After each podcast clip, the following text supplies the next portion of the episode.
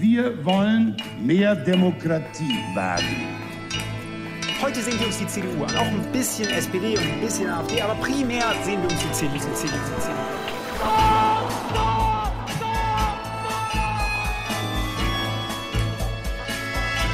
Niemand hat die Absicht, eine Mauer zu errichten. Ich weiß, ich habe heute Morgen in den Spiegel geguckt und dachte, wer ist denn die Hotte Bitch? Werden schon in wenigen Jahren blühende Landschaften, blühende Landschaften geworden sein. Früher waren wir Lametta. Wir haben so vieles geschafft, wir schaffen das. Herzlich velkommen til Tyskerne, episode 94 med Ingrid Brekke og Kai Schwind. Det her er da en portrettspesial, hvor vi da ser litt nærmere på en kjent personlighet i tysk offentlighet. Det er jo pride-måneden nå, og vi skal til Rosa von Braunheim. Han er film- og teaterregissør, forfatter, politisk aktivist. Jeg må nok innrømme at jeg ikke visste noe om han fra før, Kai, men du skal nå opplyse oss. Ja, det kan jeg. Men det var litt morsomt at du var sånn forsiktig å uttale navnet hans. Litt usikker. Er det en ekte person? Det skal vi finne ut. Rosa von Braunheim altså er jo Tja, front, en frontfigur for den tyske LHBTQ-bevegelsen. Innflytelsesrik både som homoaktivist, men også som visuell kunstner. Som avantgarde filmregissør eh, som har jobbet sammen med og påvirket superkjente folk som Reine Werner Fassbinder, som vi har snakket om før, filmregissøren. Fotokunstneren Wolfgang Tillmanns eh, er også en fan og påvirket av Rosa von Braunheim. Eller Tom Tykva, som er kanskje mest kjent her i Norge, også regissøren bak Løp Lola Løp, stor filmsuksess. Uh, Tom Tykver er en, uh, ikke bare en fan, men også en venn av Rosa von Praunheim, og lagde for ikke så lenge siden med flere andre en veldig, veldig fin dokumentarfilm som heter Rosa Kinder. Uh, altså alle elever til Rosa von Praunheim, hvor de hyller Rosa i, i to timer. Veldig fint. Ja, eh, som vi nå egentlig har skjønt, så er jo da Rosa von Braunheim en godt voksen mann. Han blir faktisk 80 neste år. Ja. Og det er jo et veldig staselig navn, da. Det var kanskje derfor jeg var litt nølende. Men det høres jo virkelig ut som et pseudonym, så hvor kommer det navnet fra? Ja, det er jo et pseudonym. Han heter egentlig Holger Ratke. det har en litt annen klang. Eh, Født i 1942 i eh, det okkuperte Riga eh, på den eh, tiden. Eh, og familien flytter flyttet etter hvert eh, derfra via DDR helt til Vest-Tyskland, og da til Frankfurt, min hjemby. Og det er der det navnet kommer inn på, fordi Praunheim er en bydel i Frankfurt som han valgte å oppkalle seg etter, fordi det er der de bodde. Og han forbinder nok noen gode minner med denne tiden. Og rosa skal antageligvis være en referanse til denne rosa trekanten som nazistene tvang homofile til å ha på i konsentrasjonsleiren. Så dette er en sånn kompleks, både litt leken og også litt alvorlig uh, sammensetning. Uh, men han vokste altså opp i Frankfurt, og da var det noe jeg kom på, jeg fant ut under researchen her, som jeg ble litt satt ut av, fordi han gikk på samme videregående skole som jeg. Ja. Wøhler Schule Ok. uh, i Frankfurt hadde, eller har, Rosa von Praunheim som alumnus, og det er jo litt stas. Ja. Det fikk vi aldri vite om. Eh, man har jo en sånn Hall of Fame eh, med en del kjente navn, men jeg visste ikke at Rosa von Pranheim gikk på samme skolen, så det var litt stas. Så han eh, ja, hadde sin ungdomstid eh, i Frankfurt, og etter hvert ble det ulike kunsthøyskoler fordi han skulle bli kunstner. Etter hvert var det Berlin, eh, og da eh, begynte han først med maleri, så litt fotografi, og gikk til slutt over til å lage film. Så lagde han mye kunstfilm, eksperimentelle filmer, men også en del portretter. Han var veldig, veldig fascinert av disse diva-skuespillerdamer. eh, så- også fra teaterverden, men også litt sånn eh, subkulturen som han likte å portrettere og henge med osv. Så, videre. så det er mye det der. Men så blir det mer dokumentarfilmer, litt mer samfunnsorientert. Og så kom den store filmen som han til i dag er muligens mest kjent for. Eh, Den kom ut i 1970 2001, og har en fantastisk tittel på tysk, eh, som egentlig oppsummerer masse, litt sånn budskap av filmen, men også kanskje tidsånden. Jeg skal si den på tysk, og så får du æren å oversette det, og lykke til på norsk. Filmen heter 'Nicht der homosexuelle ist pervers', sondern die Situation in der er lebt. Ok. Vær så god. Altså, det er, det er ikke den eh, homoseksuelle som er pervers, men situasjonen som han lever i, Ja. kan man jo si, da. Så det er jo en ganske Man skjønner jo ganske mye av, av hva det handler om, bare av den eh, tittelen, eller temaet. Men, men si litt mer hva slags film er dette? Er det en sånn 68-film, eller hva Ja, du? ikke sant? Man, altså, Tittelen bare oser jo litt sånn 68 sosiologi-sjargong. Liksom. Det er sånn man skrev det. Intellektuelle, intellektuelle sosiologer som skrev pamfletter og manifester og sånn. Sånn, sånn hørtes det ut, og sånn er den tittelen òg. Hva slags film er det? Det er jo en sånn liksom dokumentar. I dag hadde vi kanskje kalt det for mockumentary, som uh, forteller historien til Daniel, en ung homofil mann som flytter fra bygda til Berlin. Og tja, prøver å finne seg selv. Først møter, møter han en, en mann som heter Clemens. De flytter sammen, forelsker seg i hverandre og lever et et slags borgerlig liv. Gå på jobb og henge sammen, sosialisere med andre, har det fint og sånt. Men så blir det fort drama fordi de går fra hverandre, og Daniel møter en eldre, rikere mann. De uh, begynner et forhold, og da går det litt ned i den mørke homofile subkulturen. Eh, med mye sex og drama og alt det der.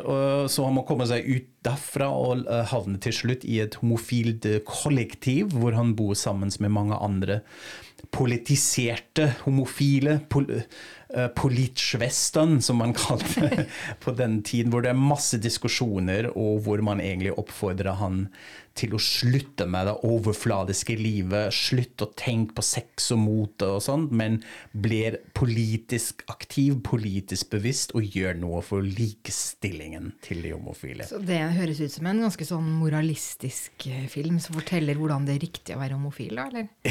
Ja, på en måte er det det. Eh, filmen skulle jo vise hvordan livet til de fleste homofile så ut på begynnelsen av eh, 70-tallet i Tyskland. Altså litt sånn mellom marginalisering og assimilering av, av det, inn i det borgerlige, kan man kanskje si. Men det som var litt interessant, var at den er egentlig rettet hovedsakelig mot homofile selv. Den skulle snakke til dem med budskapet denne dårlige situasjonen, denne diskriminerende diskurs, eh, situasjonen dere befinner dere i, den har dere skapt litt selv òg, fordi dere er sånn opptatt av de feile ting. Så ikke vær redd lenger, ikke gjem dere eh, i mørke kroker og sånn, men kom ut til dagslyset og ta ansvar, ta eierskap, og også bli politisk eh, bevisst. Så det er jo litt kult og spennende. Vi kan komme litt tilbake til det, hvordan dette fungerer fortsatt i dag. Men det som er kanskje først og fremst interessant hvis man ser denne filmen i dag, og den ligger i sin helhet på YouTube, så hvis man har lyst, da er det bare å gå dit og se hele verket, er at den er litt eller ganske til og med ufrivillig komisk også når man ser på denne dag. Altså, det er selvfølgelig hvordan uh, herrene ser ut, uh, klær og frisyrer og sånn. Men for meg er det også den fortellerteksten, altså voice-overen, som var lagt over hele filmen. Ja, litt rart, fordi den ble egentlig spilt inn som en stumfilm. Det er ikke dialoger og replikker i Ja, filmen. Fordi det er en lavbudsjettfilm, altså av pengegrunner, da? Eller? Jeg tror det er litt sånn blanding. Det er litt det, og et slags kunstnerisk grep. Og at man tenkte ok, Aha. det er litt kult å gi det hele en litt sånn sosiologisk eh, stemning. At det er en forteller som forklarer de situasjonene som vi ser. Men det er ikke noen replikker inni filmen selv. Eh, og det manuset ble skrevet av Rosa von Braunheim med hjelp av en eh, seksualviter, eh, Martin Dannecker, også en kjent figur. Og som gir det hele ja, den, den sosiologiske og til tider ganske moraliserende tonefallen.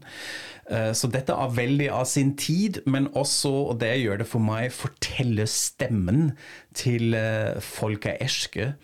eh, som gjør dette litt corny. Vi, vi kan høre på en klipp her. eh, og her forklares det altså hvor forferdelig desperat det er å cruise på toalettene for homofile menn. Die Toilette ist der bekannteste Treffpunkt für Homosexuelle. Viele Schwule mit Kontaktschwierigkeiten sind gezwungen, auf den öffentlichen Toiletten ihre ersten homosexuellen Erfahrungen zu machen. Mit der Bestrafung der Homosexualität durch die Gesellschaft und dem daraus folgenden schlechten Gewissen der Schwulen haben viele ihr Schwulsein bis auf die einfachste Form von Sex beschränkt. Die Männer stehen in dauernder Furcht, entdeckt zu werden, nebeneinander und sind gezwungen, wenn sie nach oft langem Warten jemanden gefunden haben, sich sekundenschnell abzureagieren. Die nur auf das Geschlechtsteil gerichtete Beziehung ist für eine große Gruppe von Schwulen die einzige Form der körperlichen Liebe. Sie wandern von einer Toilette zur anderen, dauernd auf der Suche nach Befriedigung, die sie im günstigen Falle nur verstümmelt erlangen. Dette, at de levde et sånt liv hvor man eh, gikk på offentlige toaletter for å ha sex, det handler jo veldig mye om eh, hvordan stemninga var i samfunnet, og at det faktisk på den tida var kriminelt Ja. eh, at to menn hadde sex med hverandre. Eh, og man hadde den berykta paragraf eh, 175 i Ja. straffeloven, som var en kjempegammel lov fra 1800-tallet. Eh, og som gjorde det eh, forbudt for eh, menn å ha sex med hverandre. Og så kom det jo en slags eh, formilding i, i, omtrent på denne tida, i, i 73, hvor eh, det ble bare forbudt å ha sex med mindreårige, altså under 18 år. Men det er ganske heftig å tenke på at det var først etter eh, gjenforeninga, altså i 1994, at uh, seksuallovgivninga ble lik for homofile og heterofile. Så var det litt annerledes i det der. Der var de faktisk litt mer eh, liberale tidlig. Men det er veldig eh, Jeg husker jeg skrev en sak om det for eh, kanskje et par-tre år siden. For da eh, ble det sånn at man kunne søke erstatning hvis man var blitt straffa etter Ja. denne paragrafen. For det, det var jo sikkert litt sånn variabelt hvordan politiet var, hvem som var i politiet, hvilke steder hva holdninga var. Men, men noen steder så fotfulgte man jo og trakasserte folk, og man ødela faktisk eh, mange liv eh, ved å ta i bruk eh, straffeloven eh, på den måten. Så nå er, heldigvis så har man kunnet søkt erstatning, og mange har jo gjort det. Ja. Men tilbake til filmen. Eh, Den ble vel en stor eh, snakkis, eller hvordan ble den tatt imot? Ja, det, det kan du si. Den ble selvfølgelig oppfattet som sjokkerende og kanskje enda mer provoserende. Altså Her måtte da plutselig det uskyldige tyske borgerskapet vite om homofile subkulturer, om gay bars, cruising og klappensex, som man kaller sex på toalettene. Eh, men jeg tror det er liksom den ene siden. Det andre, eh, som er litt interessant, spesielt når man leser anmeldelser fra den tiden, at eh, det har noe også med språkbruken å gjøre. Det som, som oppfattes som nytt og annerledes. At man fant et annet språk for å beskrive disse menneskene og også hendelsene. Altså bare å bruke begrepet svole, en homofil mann, altså en svole eller sein, eller litt sånn polariserende begrepet som en pissboden svole, altså en, en homofil mann som liker to- toalettsex, sånne ting. Dette var, gjorde noe med oppfatning av dette. Det tok det litt bort fra det kliniske, medisinske språket, snakke om homoseksuelle og sånt. Men da var det en egen sjargong hvor man tok et slags eierskap uh, for, for dette, som jeg tror opplevdes som, som veldig provoserende. Og det andre som, som er ganske spennende å se på, er at filmen kan man kanskje si rett og slett skapte den moderne homobevegelsen i, i Tyskland. Eh, altså den ble jo først vist i 1971 uh, under Berlinale filmfestivalen. Og ikke at, var, at man var så sjokkert etter filmvisningen, men begynte, man, man begynte med diskusjonsrunder og paneldebatter og sånt. Og det uh, førte til at man egentlig skapte massevis av eh, homorettighetskampgrupper uh, litt sånn i kjølvannet, kjølvannet av, av, dette her, uh, som relateres tilbake til filmen. Hvor man altså begynte å skape en slags identitet rundt uh, det som skulle bli til homokampen i Tyskland. Men hvor integrert var, var homokampen i den hva skal man si, generelle 68 bevegelsen og i den radikale kampen ellers? Ja, det er et sånn interessant spørsmål. Altså, fra det jeg fant ut, så tror jeg kanskje ikke noe særlig med det første. Altså, de, de fleste uh, grupperinger som dannet seg, var jo også venstrevidt og marxistisk til og med.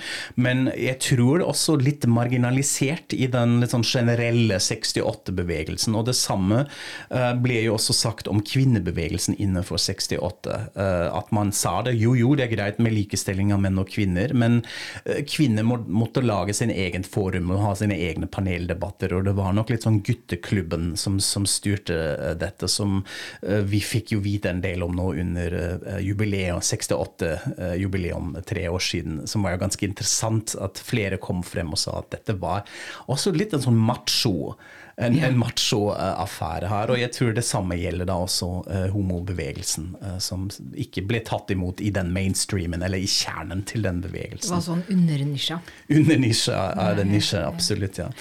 Men så var det altså filmfestival først, men så blir den vist på TV for første gang et år senere, i 1972, på VDR, som var jo oppdragsgiveren, ikke minst. Uh, og veldig sent om kvelden ble, ble, det visst, og man tror man hadde en sånn telefonhotline for å kunne ta imot uh, støtteborgere som måtte se på dette. Og enda et år senere, 15.1.1973, ble den da altså vist i RRD, altså riksdekkende dekkende TV, bortsett fra Bayern. Ja, Bayerische Rundfunk kobler seg av. De ville ikke vise dette her. De var redd hva dette kunne gjøre med befolkningen sin, med borgere i Bayern. Man var kanskje litt redd for budskapet også. Uh, filmen slutter med en, sånn, um, med en skrift som sier 'raus aus den toaletten, rein in die Straßen'. Altså slutt å henge på toalettene, gå inn i gatene, ta sånn kampen ut, finn deres identitet. Og det var man kanskje litt redd for, at det plutselig skulle bli en, uh, en homorebellion i gatene. Flomme over i gatene i München. Ja, det hadde vært noe. Men når du ser denne filmen i dag, da, er det, er det som å se på en museumsgjenstand, eller hvordan er det? Ja, Det er litt både og. På en måte virker det utrolig lenge siden og har ikke ikke så mye å gjøre med eh, de unge homofile uh, i dag, uh, og også da min generasjon. For oss var dette jo allerede litt sånn veldig fjernt og, og sånt. Uh, men det som var litt interessant, er jo det budskapet som ligger inni der, nemlig at um, Rosa von Braunheim, som også har blitt intervjuet nå nylig igjennom filmen, den har jo 50-årsjubileum i, i år, egentlig anklager homofile for å være være allerede der for å være altfor passiv og upolitisk. Eh, og en bekymring som han ytrer i den filmen, er jo at homofile kunne bli sånne kjedelige kleinbøger, sånn småborgerlige. At de ville finne seg i et sånn normert system som er hovedsakelig basert på heteronormative regler og moral. Altså å gifte seg, kanskje få barn og sånn. Og han sier jo det er jo det som har skjedd. Egentlig er det akkurat der vi er i dag. At vi har funnet oss inn i dette. Og det de egentlig ville gjøre på den tiden, var å forandre samfunnet. Og kanskje også familiebildet mye mer. Uh, hvorfor må barn ha en far eller en mor eller en far og enda en far? Hvorfor ikke ha flere onkler og tanter og leve i en større sånn, et kollektiv og skape noe nytt? Altså også Det fins jo litt sånn her og da i dag. Men det handler også om en fordeling av makt innenfor samfunnet. Det var det vi, man var opptatt uh, av, uh, og var redd for dette her. Ja, og det er vel noe med det at det er jo sånn som vi ser i Norge, at de som har vunnet kampen mest, det er kanskje det vi vil være like gørrkjedelige som alle andre og leve akkurat sånne liv som alle andre. Ja, det, eh, Og det kan man jo veldig godt forstå, men eh, man har missa vel også noe på veien, mener mange da.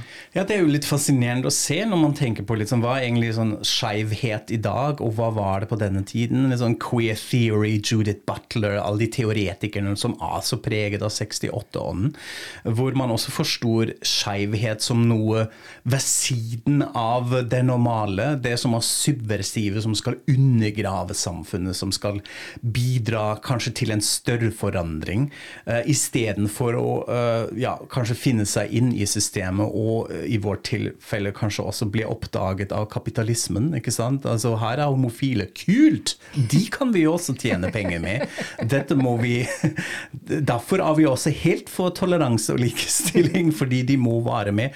Og jeg skal ikke latterliggjøre det. altså Når man ser på situasjonen i Ungarn og Polen i dag, så vet vi jo hvor viktig det er at man bidrar til en normalisering. At dette er likestilt. Dette er grunnlovene som skal finne sted. Eh, Så det er veldig viktig, men allikevel er det fascinerende eh, å se på en litt mer sånn rebelsk og omveltningsånd i det som skeivhet kunne bety og har betydd eh, en gang også ved bruk av humor, eh, f.eks., eh, og camp og en estetikk som er også litt annerledes i dag. Og det er veldig gøy. Så film som vi sa har jo 50-årsjubileum i år, og i den anledning ble det nå vist igjen på tysk TV snart, etterfulgt av en paneldebatt med Rosa von Braunheim og hans medforfatter Martin Dannegger. Så dette ble spennende å se på. Det, det gleder jeg meg veldig til. Så det er filmen som Rosa er kanskje mest kjent for, absolutt. Eh, Men vi må ikke skape et sånn helt feil inntrykk av han her. At han er altså sånn først og fremst en homoaktivist og moraliserende filmskaper. Han har også bidratt masse med avantgarde kunst, underground film eh, i, i Tyskland, og har uh, lagd masse superrare koko-filmer. Og blant annet en av mine favoritter, som vi må bare nevne, er, kom ut omtrent eh, samme tid i begynnelsen av 70-tallet, av filmen Die Bettwurst. Ah, Igjen en fantastisk tittel. Vi må kanskje oversette det. Altså En bettwurst det er jo sengepølse. Det er jo først og fremst en sånn nakkenpute som du kan ha i sengen Oh, ja, eller sånne på runde, lange puter. Ja, Ja, for, okay. å, for å sitte litt mer behagelig. Det har ikke noe særlig med innhold å gjøre, eh, men er likevel en, morsom tittel. Og også igjen, når man bare ser på hva filmen handler om på papiret, så er dette ikke noe særlig morsomt. Dette forteller historien til Dietmar og Lutzi. eh, To eh, unge mennesker som møttes, forelsker seg i hverandre, flytter inn med hverandre. Så blir Lutzi kidnappa. Dietmar må frigjøre, befrie henne. eh, Og så er det sånn happy end. Ferdig. Eh, Det er sånn det som skjer, men hovedattraksjonen her er jo det kunstneriske grepet av Rosa von Braunheim, at han har casta filmen med uh, leienskuespiller. altså ikke ekte skuespillere. Altså amatører. Helt Amatører er det ordet jeg leter etter, takk. Ja. um, og det er det som, som er veldig gøy. Altså, Lotzi ble spilt av uh, Jeg tror han er faktisk i slekt med henne. Det er den tremenning av von Praunheim eller sånt. Og så er det Dietmar, Dietmar Kracht. De har sine ekte navn, som er en åpenbart veldig camp homofil mann, som spiller da altså elsken til Lotsi, og det er det litt sånn amatøraktige eh, Helt ekstroverte, flamboyante skuespill, eh, hvordan de tolker disse replikkene. Og det går nesten ikke an å forklare det, så vi må høre på en klipp. Her er det altså Ditma og Lotsi som forteller hverandre hvor høyt, hvor høyt de elsker hverandre. Dietmar, ich liebe dich. Ich dich. Ich liebe dich unwahrscheinlich, Luzi. Du bist alles für mich. Ich liebe dich, Luzi. Ich liebe dich unwahrscheinlich. Es war Liebe auf den ersten Blick. Und ich will immer, dass du bei mir bleiben sollst. Es muss immer so bleiben wie heute. Luzi, bitte. Ich möchte dich nie verlieren. Ich liebe dich. Du bist die Ich erste Frau. Die erste Frau, die ich so liebe. Ich liebe Luzi. Die erste Frau. Deine Haare und alles. Dein Busen und alles. Wir müssen im Kalender es rot anzeichnen, diesen Tag, an dem wir uns zum ersten Mal begegnet sind. Das war Liebe auf den ersten Blick. Jeg må si det høres ut som en eh, parodi. Ja, det, det er jo det også. Det parodierer eh, kanskje først og fremst det kjedelige borgerlige liv. Fordi de, de sitter og drikker kaffe og spiser korn og ser på fotoalbum og sånn, og så har de disse teite replikkene. Og så er det en sånn eh, krimhandling klistra på. Eh, Men når jeg ser på dette i dag, så ser man jo også at dette skapte en sånn slags absurd humor innenfor tysk eh, avantgarde-film, som vi f.eks. ser i filmene til Helge Schneider, eh, som kom jo ut mye senere på 90-tallet. Altså en en, stor tysk komiker, som har en litt sånn absurd handling og dette sånn helt artifisielle skuespill eh, som absolutt ikke skal være naturalistisk, og hvor man gjør et nummer ut av at man, at man spiller dårlig. Så det er veldig, veldig artig å se. Og han har gjort masse eh, morsomme, overdrevne, rare kunstfilmer. Eh, en transmusikal lagde han 'Stadt der forlorenen seelen'. Så lagde han en film som var så veldig kokelig, som heter 'Can I be your bratwurst, please?' Med Jeff Striker, en veldig kjent eh, gay porn actor i hovedrollen, som får lov å kle av seg også, ja. Så dette er litt sånn avantgarde homo kino, som man kanskje kan sammenligne litt med Pedro Almodovar i sin første fase, når han var del av La Movida i Madrid og sånn, og lagde sånne crazy arthouse-filmer. Men så gikk jo Almodovar i en eh, i en Hollywood-retning, kanskje med å fokusere på melodram og lage store filmer med superskuespillere, mens Rosa von Braunheim ja, blir kanskje litt mer Da kommer aktivisten frem, bestemte seg å fokusere litt mer på dokumentarfilm også. Var litt mer opptatt av utviklingen i samfunnet og uh, fokusere på det.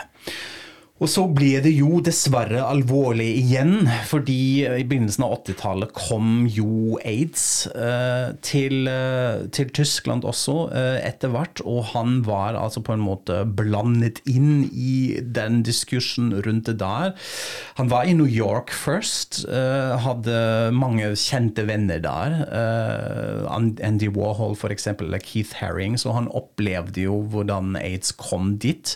Lagde også en del eh, dokumentarfilmer om det der, og så flytta han tilbake til Tyskland eh, og opplevde det samme her. Og da skjedde det en, en event som til i dag er ganske omstridt. eh, fordi han eh, deltok i en TV-debatt. og ja, hvordan skal man beskrive det? Tvangsouta. To andre veldig kjente tyske TV-personligheter fra den tiden, nemlig Alfred Biolek og Hape Kerkeling. Hape Kerkeling er kanskje mest kjent nå uh, som komiker, men Alfred Biolek også en stor sånn talkshow-host.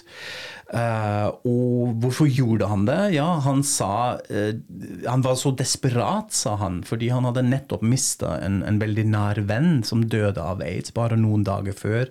Så skulle han stille opp i dette veldig sånn bråkete debattprogram på RTL som heter Det heises stol. Eh, og snakke om det, og, og ville gjøre et poeng ut av det. Si vi trenger positive identifikasjonspersoner positive homofile menn eh, er, altså med, positiv, med et positivt image. Eh, som er folkekjær, hadde jeg kanskje sagt i Norge, og som var veldig likt. Som Hape Kerkeling og Alfred Biolek. Og han hadde faktisk ringt de dagen før og spurt er det greit hvis jeg, hvis jeg nevner dette på TV. Og begge hadde sagt nei, du vet du hva, eh, ikke. Jeg vil gjerne styre det selv. Så gjorde han det allikevel. Ja, Det er jo ganske heftig, da. Det er veldig heftig, og det blir stor debatt rundt dette. Og eh, det som var litt interessant, er at eh, karrieren til både Alfred Biolek og Happe Kerkeling tok jo ingen skade av dette. Man kan nesten si tvert imot. De fortsatte å ha det stor suksess, mens Rosa von Braunheim fikk veldig mye kjeft. Eh, Og det gikk veldig dårlig for han en stund. Han ble jo anklaget og selvfølgelig selv moralisert rundt det, og det er jo man skjønner jo hvorfor. Dette er jo ikke greit. Eh, og han sier i dag, også når han reflekterer over det, at, um, at, at han angrer på det. Ja. At han ikke hadde gjort dette igjen. Eh, i dag, men at han var så desperat at han følte at uh, han måtte gjøre dette.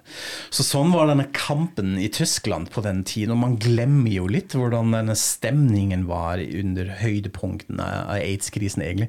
Er det noe lignende i Norge, egentlig, sånn at man kan sammenligne med det? At det var sånne offentlige debatter og sånt? Ja, altså Jeg skal ikke si at jeg husker så veldig godt, annet enn at jeg husker selvfølgelig stemninga. Altså hvordan det var skremmende, dette nye viruset som ingen helt visste hva var, og sånn.